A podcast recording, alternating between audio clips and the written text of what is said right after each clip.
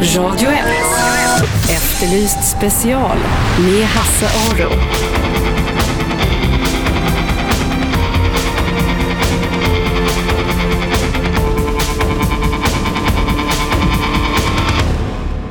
Välkomna hit till Radio 1. Efterlyst special lyssnar ni på. Vi ska prata om ett aktuellt ärende i Stockholm så fort jag får ordning på en dator som jag har på gång här. Sådär, då så. Välkomna hit. Vi ska börja med en eh, ganska mm, ja, otrolig historia. En fasadklättrare som härjar i Stockholms innerstad och han har slagit till över 20 gånger. Han opererar i hela innerstan och tar sig in genom ett fönster eller på, från balkongen in i lägenheten. Oftast förstås på markplan men han har även klättrat upp så högt som till fjärde våningen i ett hus. Han stjäl telefoner, plånböcker och nycklar, smycken, pass och annat som är ganska lätt att bära med sig. Ofta när lägenhetsinnehavarna har varit hemma faktiskt. Vid ett par tillfällen så har de boende kommit på honom men han har då lyckats fly. Den här killen är ganska liten, cirka 170 cm lång. Han har smidig kroppsbyggnad och mörka drag. Björn Wiberg, Citypolisen, välkommen hit. Vad kan du berätta om, om den här eh, rånvågen, eller inbrottsvågen? Ja, vi har väl haft eh, 28 stycken inbrott eh, sedan en månad tillbaka med liknande modus. Eh, då gärningsmannen har klättrat in i lägenheterna via öppna fönster. Och det har ju skett både från bottenvåningen och sen en trappa upp och upp till fyra trappor. Uh, den här gärningsmannen uh, har vi ett signalement på som är 20-25 år, 170-180 cm lång, smidig kroppsbyggnad. Uh, han brukar vara iklädd mörka kläder, en huvtröja. Har burit en mörk keps vid några tillfällen och den har han haft bakvänt. Sen har han jacka och eh, byxor i arbetsklädsmodell, i det tyget som arbetskläder har. Eh, I midjan så har vi fått fram att han har lite grå färg på kläderna. Han har även pratat engelska med kraftig brytning då. då. Eh, och med lite finskt, ryskt i det så att säga. Mm. Ja. I brytningen alltså? Ja, när han pratar, har pratat med folk så att säga. Mm. Eh, hur länge har det här pågått? Det är en månad tillbaka som vi har märkt eh, att det har ökat just den här typen av inbrott. Vi har ju mycket inbrott i city men just den här typen att man går in i, genom fönster som är öppna eller tar sig in klättrandes. Det, det är inte så vanligt. Och i det här fallet så, så han eh, väljer då gärna fönster som är öppna men det, det är inte en förutsättning.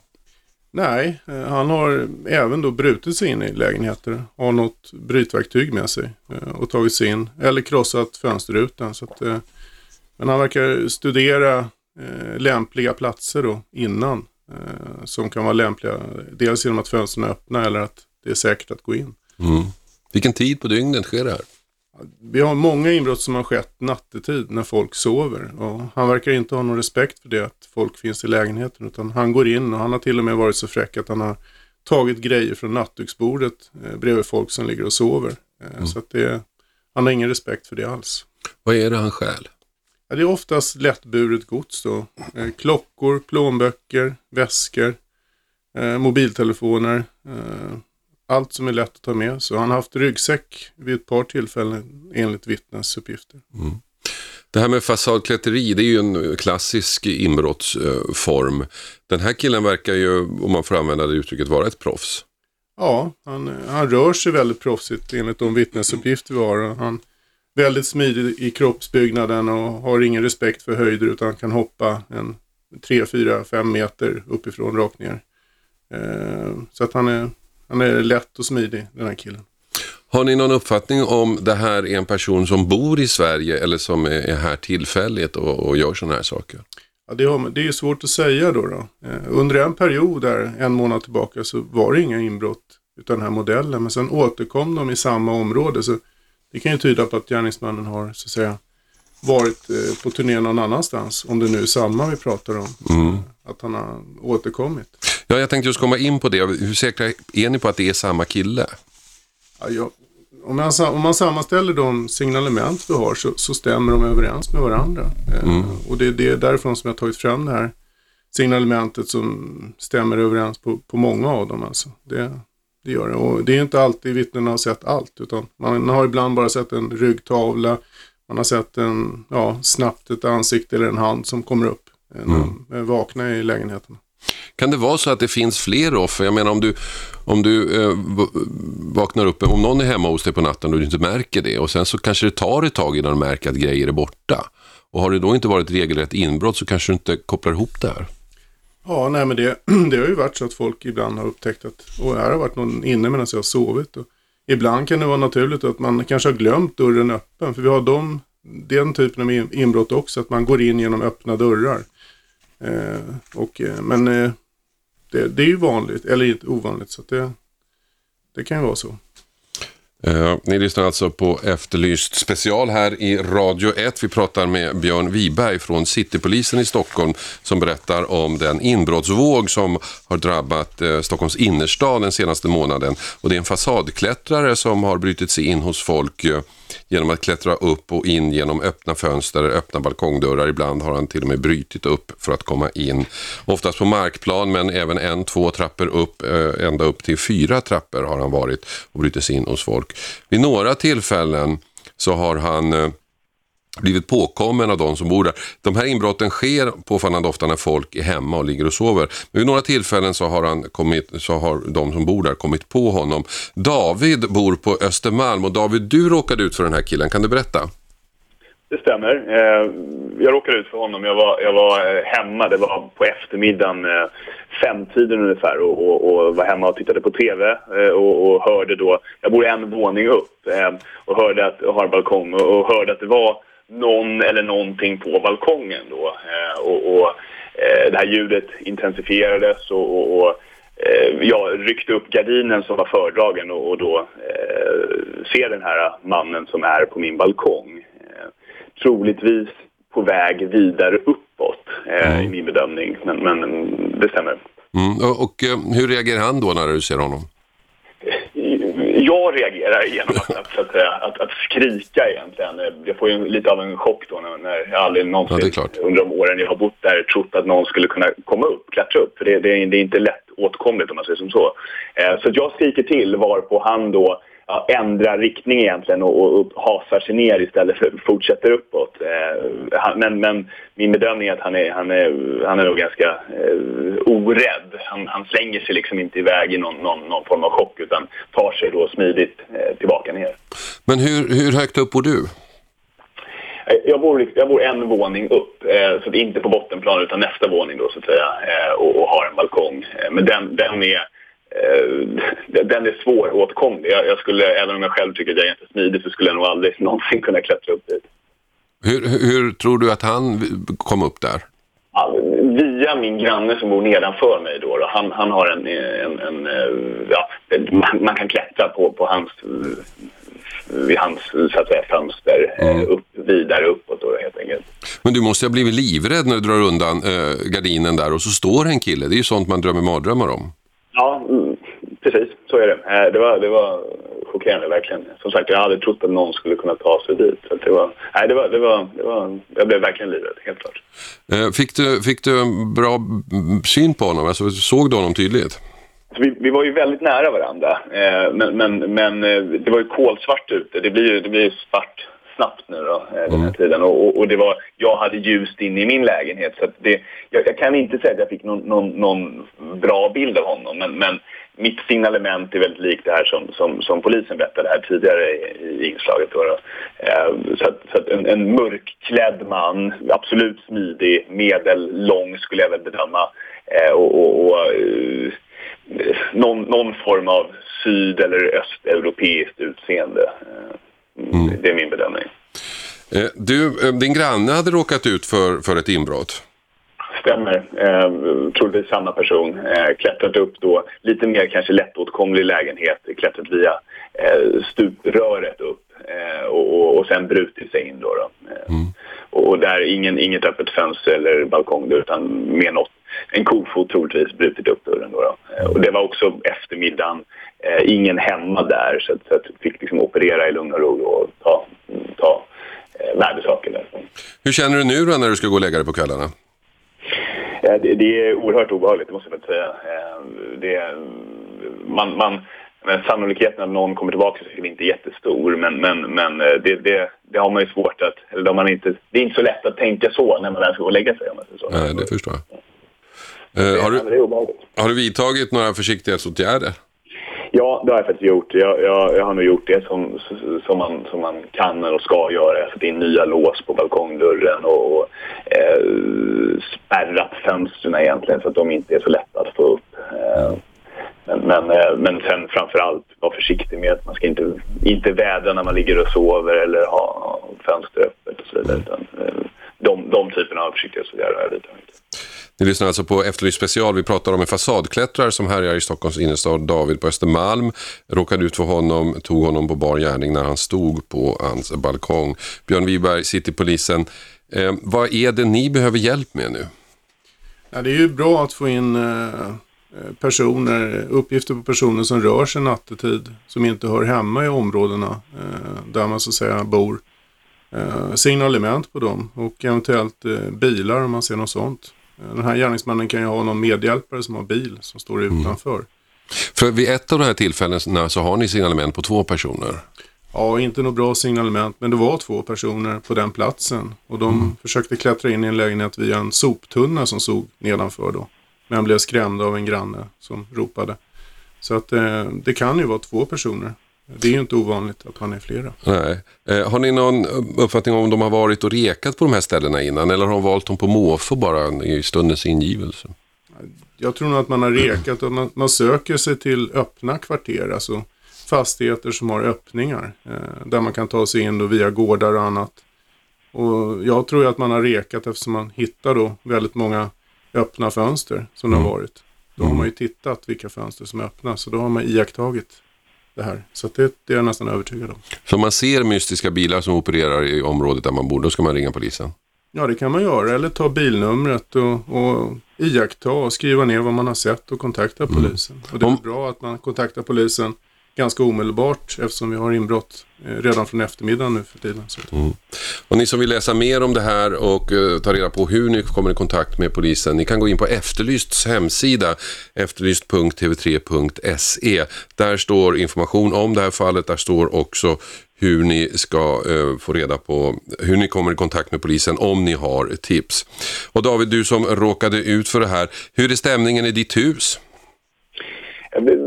Vi, har ju då samlat oss och försökt att säga, eh, vidta alla åtgärder man kan göra. Vi har pratat med alla grannar så att man är uppmärksam och, och eh, kanske sätter in lite extra lås och är försiktig med att vädra och så här. Men, men spänd, helt klart. Oro, lite oroligt, helt så är det. Ja, det förstår jag verkligen. Okej David, tack för att du eh, var med här i Efterlyst special. Eh, Vi pratar alltså om en fasadklättrare som klättrar i Stockholms, som härjar i Stockholms innerstad. Han har slagit till över 20 gånger, 28 gånger sa Björn Wiberg nyss som är här från Citypolisen. Han opererar över hela innerstan och tar sig in genom fönster eller balkongdörren, oftast på markplan förstås för det är lättast. Men han har även klättrat upp ett par våningar i huset och vid något tillfälle så högt upp som fyra våningar. Han stjäl telefoner, plånböcker, nycklar, smycken, pass och annat som är lätt att bära med sig. Och väldigt ofta när lägenhetsinnehavarna varit hemma. Han är 170 cm lång, 20-25 år, smidiga, eh, smi, smidig kroppsbyggnad. Många vittnen beskriver honom som väldigt smidig. Han har då, eh, David säger att han hade drag som såg ut att han kom från Östeuropa någonstans där. Och eh, ofta klädd i mörka kläder. Tack David för att vi fick ringa dig ehm, och tack också Björn Wiberg från Citypolisen som eh, var här och berättade om detta. Ehm, som sagt, har ni, vill ni veta mer om det här gå in på Efterlyst hemsida efterlyst.tv3.se. Vi eh, ska ta reklam, vi är strax tillbaka. Radio 1. Efterlyst special med Hasse Aro.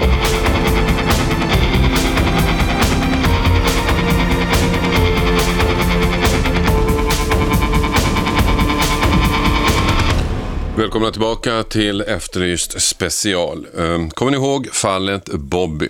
Den tioårige pojken som plågades till döds av sin mamma och styvpappa i januari 1995.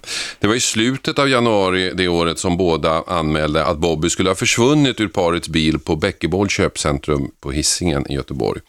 Och enligt mamman och styvpappan skulle de ha lämnat Bobby i bilen och när de kom tillbaka skulle han alltså ha försvunnit. Polisen letade efter honom i flera dagar och samtidigt växte deras eh, misstankar mot paret. Deras berättelse höll helt enkelt inte ihop. Så mamman och sambon anhölls och det var då som mamman i ett förhör erkände att det var de två som bragt Bobby om livet. Och hennes berättelse var minst sagt fruktansvärd. Det visade sig att Bobbys sista tid i livet varit ohygglig. Han hade upprepade gånger misshandlats av mamman och sambo och det som de gjort mot honom kan inte beskrivas på annat sätt än som ren tortyr. Hon berättade att tortyren började 2005. Pojkens mamma eh, berättade bland annat att han fick sina nerbajsade kalsonger smetade mot ansiktet. Han tvingades ligga naken i snön och få snö skottad över sig. Han fick sprit nerhällt i en tratt mot munnen och en dammsugarslang mot könsorganet. Blev slagen med träpinnar mot könsorganet och fick grova stötar. Han blev också bränd med cigaretter och slagen med pinnar. Och den, 20, den 14 januari eh, 2005 så orkade hans kropp inte mer eller 2006, förlåt, den 14 januari 2006 så orkade hans kropp inte mer. Han dog kvävd av sina egna uppkastningar.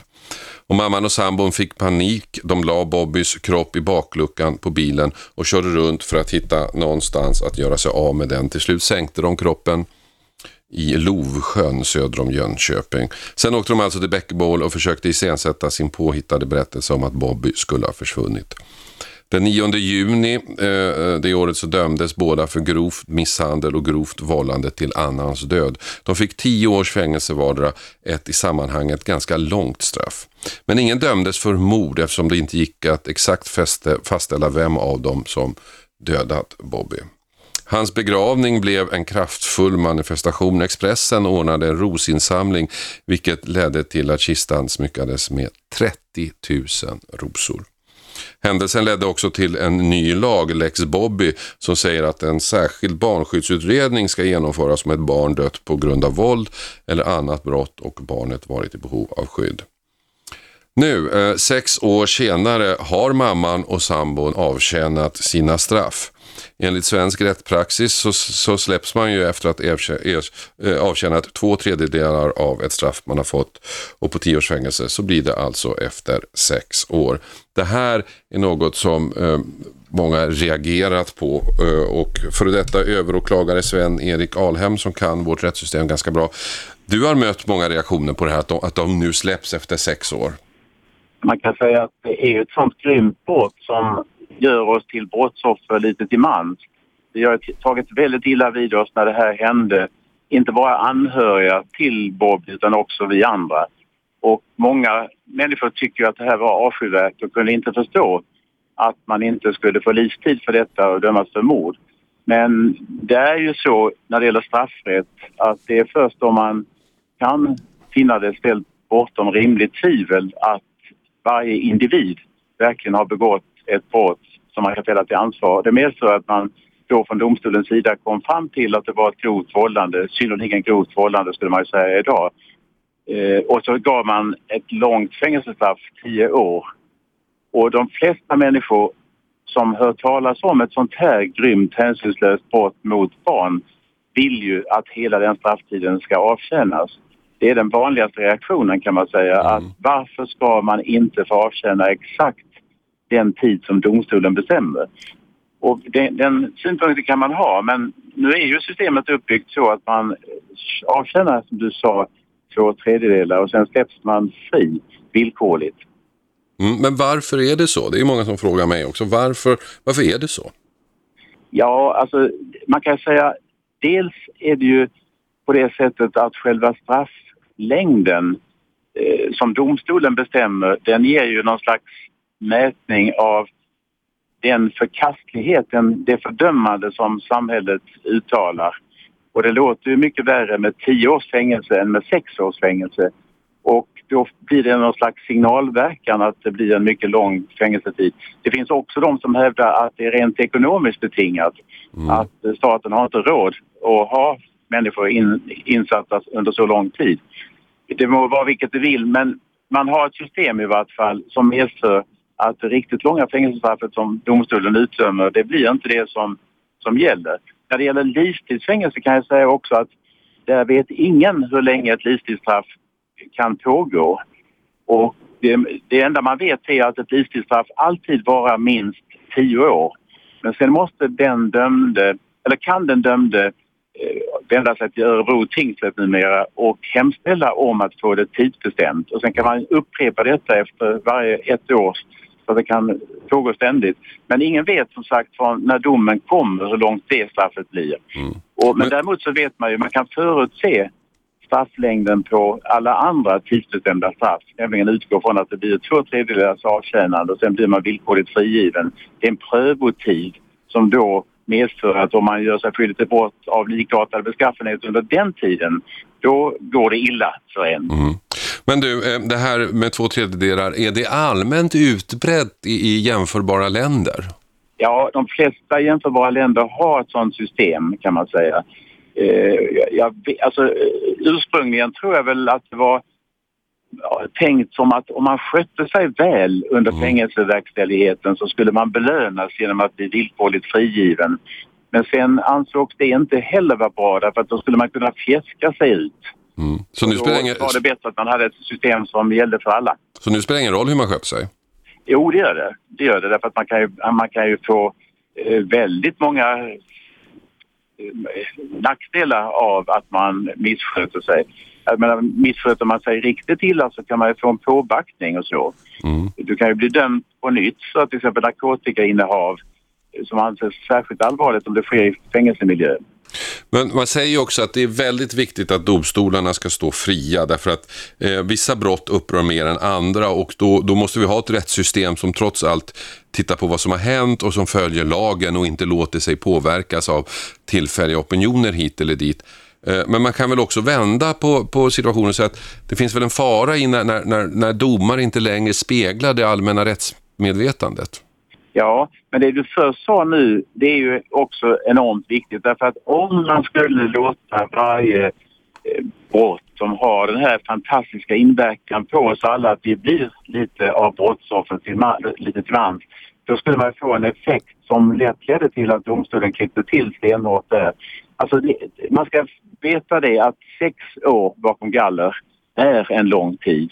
Även om det just i detta fall inte alls svarar mot den hänsyns, långa, långt utdragna hänsynslöshet som gällde mot just det här barnet. Nej. Ett skyddslöst barn. Så det är en väldigt vidrig gärning som de då har avtjänat sex år för de facto. Men de är ju villkorligt frigivna och det är alltså en prövotid som jag sa. Så skulle de göra sig skyldiga till brott av likartad beskaffenhet, våldsbrott eller så, på nytt så kommer den här, eh, en del av det i varje fall, villkorligt medgivna friheten att förverkas, kunna förverkas av domstol. Men visst är det väl så att justitieministern har eh, sagt att man ska titta på det här, att det, ska bli, att det eventuellt ska bli så att man ska sitta hela strafflängden? Ja, alltså vad det kommer att sluta, jag tror ändå att det kommer att finnas någon form av, av villkorligt, villkorlig frigivning kvar. Det är min bedömning. Däremot så kan man säga att när det gäller våldsbrott just, då finns det alla skäl i världen att lägga ett samhällsskyddsintresse, ökat intresse för samhällsskyddet på, på de brotten. Mm. Jag brukar säga att om du tänker dig att du stjäl eller egendomsbrott överhuvudtaget så kan vi lättare tåla att den typen av brottslingar gör sig skyldiga till nytt brott om samhället chansar på att släppa ut dem. Men däremot när det gäller allvarliga våldsbrott så är det inte alls så. Alltså blotta tanken på att någon som är dömd för hänsynslöst beteende gentemot ett barn, att den skulle släppas ut och på nytt göra sig skyldig till motsvarande övergrepp mot ett barn. Kanske mitt barn, ditt barn, ditt barnbarn, mitt barnbarn. Det skulle ju vara någonting som vi aldrig skulle förlåta samhället, staten för. Nej. Okej, då har vi fått det lite utrett. Tack så mycket Sven-Erik Alhem för att jag fick ringa dig och fortsätt nu Tack din själv. resa och kör försiktigt. Ni lyssnar alltså på Efterlyst special. Vi pratar om Bobby, den tioåriga pojken som plågades till döds av sin mamma och styvpappa.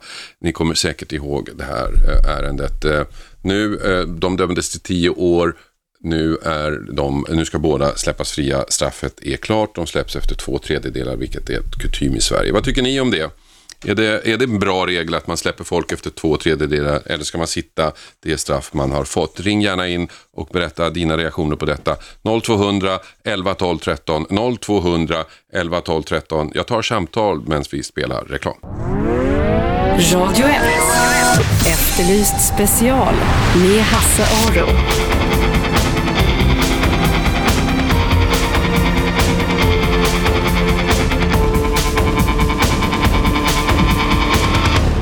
Välkomna tillbaka, Efterlyst special. Vi pratar om fallet Bobby, den tioåriga pojken som plågades till döds av sin mamma och styvpappa. De dömdes för eh, grov misshandel och grovt vållande till annans död eh, den 9 juni 2006 och de fick tio års fängelse. Eh, men det svensk rättspraxis gör ju att man sitter två tredjedelar av straffet vilket innebär att båda nu släpps sex år senare. Det här upprör förstås många och det förstår man när man eh, mm, sätter sig in i detaljerna kring det här fallet. Vad tycker ni om det här, eh, den här regeln? Är det rimligt att man släpps efter två tredjedelar? Finns det något annat system som vore bättre? Eller måste man behandla alla som är dömda likadant? Ring in 0200 11 12 13 0200 11 12 13. Bobby blev ju plågad under ganska lång tid av mamman och styvpappan. Det var efter att hon hade träffat den här nya mannen som allting började. Och han fick utstå misshandel som liknade ja, som var helt enkelt tortyr. Och till slut eh, så kunde han inte stå emot längre. Hans kropp orkade inte utan han dog av eh, den här behandlingen. Föräldrarna försökte dölja det här brottet. Dels genom att, eller föräldrarna, mamman och styrpappan ska vi säga. Eh, dels genom att de gömde hans kropp, sänkte den i en sjö. Eh, och sen så åkte de till en eh, till ett köpcenter och anmälde honom försvunnen. Men det gick alltså inte utan polisen tyckte, polisen kom dem på spåret. Nu är båda fria alltså. Vad tycker ni? 0200 11 12 13. Hallå, vem där? Vem där? Ingen. Hallå, vem där? Ja, otur med telefonen idag. 0200 11 12 13 kan ni alltså ringa. Vem har vi med oss där? Ja, hallå? Ja, hej. Du är i radio. Ja, det känner jag till. Mm. Du, kan du få sänka eller stänga av telefonen där? Okej. Så. Så, vad tycker du? Eller vem pratar jag med för till att Ja, börja med? jag tycker det är horribelt, Ja. måste jag säga. Alltså att de kan komma ut så snabbt, Mm. helt fria. Det känns jättekonstigt. Vad tycker du man ska ha gjort istället då? Man måste får väl ändra eh, lagen så att de får längre straff. Mm. Finns, det, finns det något på... Ja. Nu fick de ju tio år och kom Ja. ut efter sex. Kan du se någon poäng i det? Eh, nej, det kan jag faktiskt inte. Det finns de som hävdar att det är ekonomiska eh, orsaker bakom den här regeln. Den gäller ju för alla som är dömda, det är inte bara dem, det ska vi säga. Nej, det förstår jag. Det förstår jag. Men, men eh, ja, det, det är väl så då. Det är ju jävligt. Okej. Tack ska du ha för att du ringde. Det ringer fler. Hallå, vem där? Eh, hallå, vem där? Hallå, vem där? Hallå, det är Jojo. Hej Jojo. Hej. Vad säger du? Jag tycker de skulle få livstid och inte komma ut. Nej. I Sverige om du skulle göra skattebrott eller någonting med skattemyndigheter, du får ju längre straff än när du tar ett liv. Men om, om nu domstolen inte kunde visa vem av dem det var som mördade, är det då inte rimligt att ingen åker dit? För mord? Ja, men då tycker jag båda skulle dömas lika för mamman var lika mer skyldig än han tycker jag. För mamman tillät det. Mm. Och han var ju ändå inte ens, det var bara en styvpappa överhuvudtaget. Alltså ingen ska behöva, ett barn ska inte behöva berövas, och speciellt som i hans fall. Så jag tycker de skulle få livstid. Mm. Men nu, nu kunde, det kunde de ju fått om man, hade hit, om man hade dömt dem för mord, men man tyckte inte att man hade tillräckligt på fötterna för att döma dem för mord, för man visste inte vem av dem som så att säga tog livet av honom. Ja, men vet, vet, det, det, jag tycker inte, jag, det här tycker jag är jättekonstigt, är bara i Sverige det händer. Ja. När det gäller mord eller när det gäller överhuvudtaget någonting. Och speciellt när man förgriper sig på ett barn. För att det är så mycket delaktiga och allt det här med nämndemän. Eh, och, alltså det blir inte en riktig bild på, på det hela. Så får de antingen gå fria eller de är inte säkra sex år i många andra länder, vi ska inte vara, okej lite extrema, men i arabländer eller arabvärlden eh, som förgriper sig på barn, eh, till exempel stjäl du något med högra handen så hugger de. Okej, man ska inte göra det, men jag tycker förgriper man sig på ett barn, minsta lilla, lilla, men barnet låg ju död i sjön och det kom, det spelar ingen roll. Det räckte att de var med och ens tänkte tanken att de misshandlade han i så många år. Lämnade han naken i snön. Det behövs inte mera bevis. Du tycker att det räckte? Jag, jag tycker det, det räcker med sånt. Jag tycker det är därför det händer mer och mer. Det kommer mera pedofiler, det kommer mer förgripande på barn. Eh, till exempel som den här mamman som slängde sina båda, eller båda barnen i sjön för att hon hade inte råd. Men många vet att samhället, aha, oh, fine, nu är det lättare att ta ett liv på ett barn än jag menar skattebrott får man längre straff än när man tar ett liv. Det tycker jag lite, jag tycker det, nej de ska inte komma ut. Okej, tack Jojo. Vem har vi där? Vem har vi där? Hallå, vem där? Hallå? Hallå ja. Ja, det är Erik. Hej Erik. Hej. Eh, jag vill bara säga att jag tycker att det är lite typiskt svenskt det här ändå. Eh, att det blir så... Att man får rabatt. Det är precis som böter i allmänhet också. Trafikböter, man får rabatt på de billigaste eller vad man får om man får flera stycken. Eh, och här också, om man, om man blir dömd till tio år, då tycker jag att man ska få tio år. Annars blir det väl en ond cirkel egentligen att då får de tänka att ja, men då ger vi lite extra år för att han kommer ändå, de kommer ändå komma ut tidigare. Men, det, men de är ju bundna, alltså de som dömer är bundna av lagen. De kan ju inte mer än ge det strängaste straffet. Nej, men jag menar att utvecklingen av eh, strafftid för vissa brott kanske utvecklas sig så att det blir grö alltså det blir längre tid för att du vet, för att de kommer ut tidigare. Mm, för där, har, du- där har du ju faktiskt en liten poäng. Därför att, eh, när det gäller misshandel så var ju regeringen missnöjd med de låga misshandelsdomarna. Så då hittar man på ett nytt brott. Förut var det ju eh, ringa misshandel, misshandel och grov misshandel. Och så kom man på med synnerligen grov misshandel bara för att man ville öka eh, straffsatsen. Ja, och då är frågan vad är nästa steg i så fall efter det här? För att det blir en ond cirkel, ser jag det som i alla fall. Eh, ja, Ja. det det har jag till i alla fall. Jag förstår vad du säger. Tack ska du ha för att du ringer.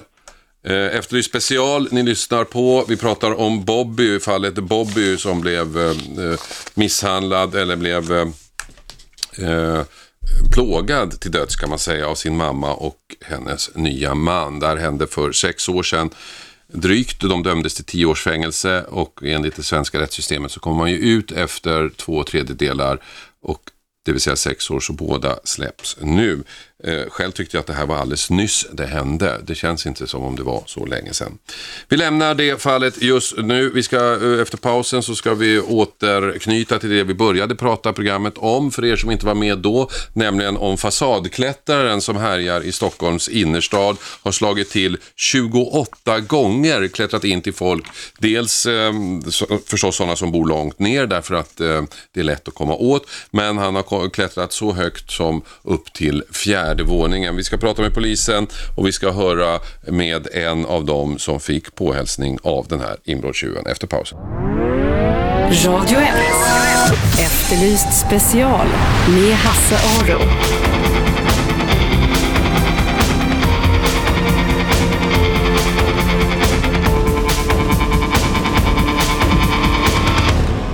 Välkomna hit till Efterlyst special. Ehm, vi började det här programmet med att prata om en fasadklättrare som härjar i Stockholms innerstad sedan en månad tillbaka ungefär. Han har klättrat in Eh, eh, har gjort över 20 inbrott hemma hos folk. och har klättrat in eh, i huvudsak då förstås på nedre plan men också upp en trappa, två trappor, ända upp till fyra trappor. Vi började programmet med att prata om detta. Då var Björn Wiberg från Citypolisen här. Och så här sa han om den här eh, fasadklättraren. Ja, vi har väl haft eh, 28 stycken inbrott eh, sedan en månad tillbaka med liknande modus. Eh, då gärningsmannen har klättrat in i lägenheterna via öppna fönster. Och det har ju skett både från bottenvåningen och sen en trappa upp och upp till fyra trappor. Eh, den här gärningsmannen eh, har vi ett signalement på som är 20-25 år, 170-180 cm lång, smidig kroppsbyggnad. Eh, han brukar vara iklädd mörka kläder, en huvtröja Har burit en mörk keps vid några tillfällen och den har han haft bakvänt. Sen har han jacka och eh, byxor i arbetsklädsmodell, det tyget som arbetskläder har. Eh, I midjan så har vi fått fram att han har lite grå färg på kläderna. Han har även pratat engelska med kraftig brytning då. då.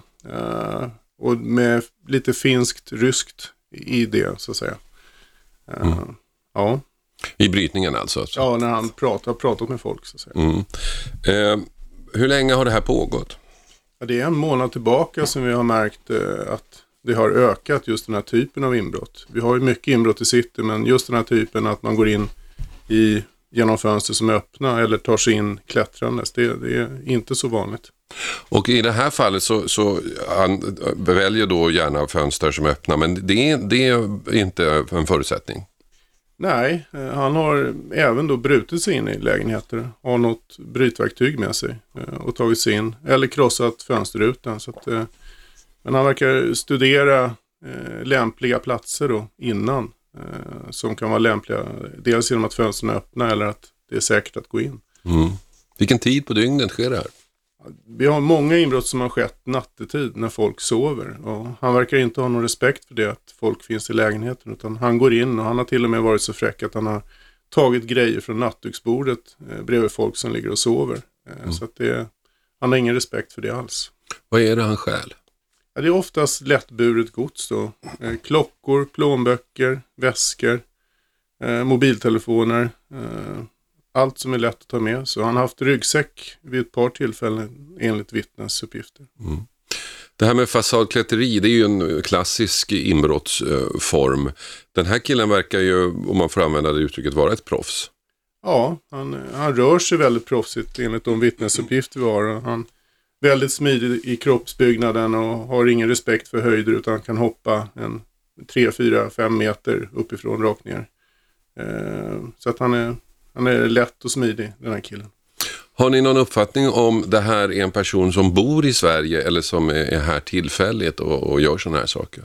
Ja, det, har, det är svårt att säga då. då. Eh, under en period där, en månad tillbaka, så var det inga inbrott utan den här modellen. Men sen återkom de i samma område. Så det kan ju tyda på att gärningsmannen har så att säga varit eh, på turné någon annanstans. Om det nu är samma vi pratar om. Mm. Att han har återkommit. Ja, jag tänkte just komma in på det. Hur säkra är ni på att det är samma kille? Ja, jag, om, man, sa- om man sammanställer de signalement vi har så, så stämmer de överens med varandra. Eh, och det, det är därifrån som jag har tagit fram det här signalementet som stämmer överens på, på många av dem. Alltså. Det, det gör det. Och det är inte alltid vittnena har sett allt. Utan man har ibland bara sett en ryggtavla. Man har sett en, ja, snabbt ett ansikte eller en hand som kommer upp. eh, När de är vakna i lägenheten. Kan det vara så att det finns fler offer? Jag menar om du, om du eh, vaknar upp, om någon är hemma hos dig på natten och du inte märker det och sen så kanske det tar ett tag innan du märker att grejer är borta. Och har det då inte varit regelrätt inbrott så kanske du inte kopplar ihop det här. Ja, nej men det, det har ju varit så att folk ibland har upptäckt att och här har varit någon inne medan jag har sovit. Och ibland kan det vara naturligt att man kanske har glömt dörren öppen. För vi har de, den typen av inbrott också, att man går in genom öppna dörrar. Eh, och, eh, men eh, det, det är ju vanligt, eller inte ovanligt, så att det, det kan ju vara så. Eh, ni lyssnar alltså på Efterlyst special här i Radio 1. Vi pratar med Björn Wiberg från Citypolisen i Stockholm som berättar om den inbrottsvåg som har drabbat eh, Stockholms innerstad den senaste månaden. Och det är en fasadklättrare som har brutit sig in hos folk eh, genom att klättra upp och in genom öppna fönster, öppna balkongdörrar. Ibland har han till och med brutit upp för att komma in. Oftast på markplan men även en, två trappor upp, eh, ända upp till fyra trappor har han varit och brutit sig in hos folk. Vid några tillfällen så har han eh, blivit påkommen av de som bor där. De här inbrotten sker påfallande ofta när folk är hemma och ligger och sover. Men vid några tillfällen så har, han kommit, så har de som bor där kommit på honom. David bor på Östermalm och David, du råkade ut för den här killen. Kan du berätta?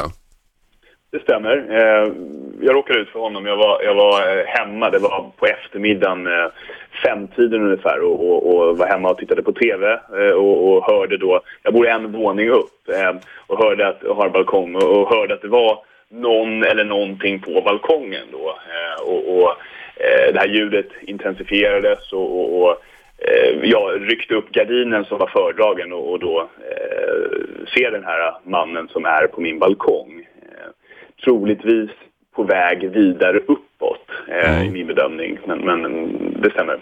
Mm. Och, och hur reagerar han då när du ser honom? Jag reagerar genom att, att, att, att, att skrika egentligen. Jag får ju lite av en chock då när, jag aldrig Ja, någonsin klart. under de åren jag har bott där trott att någon skulle kunna komma upp, klättra upp. För det, det, är- det är inte lätt åtkomligt om man säger som så.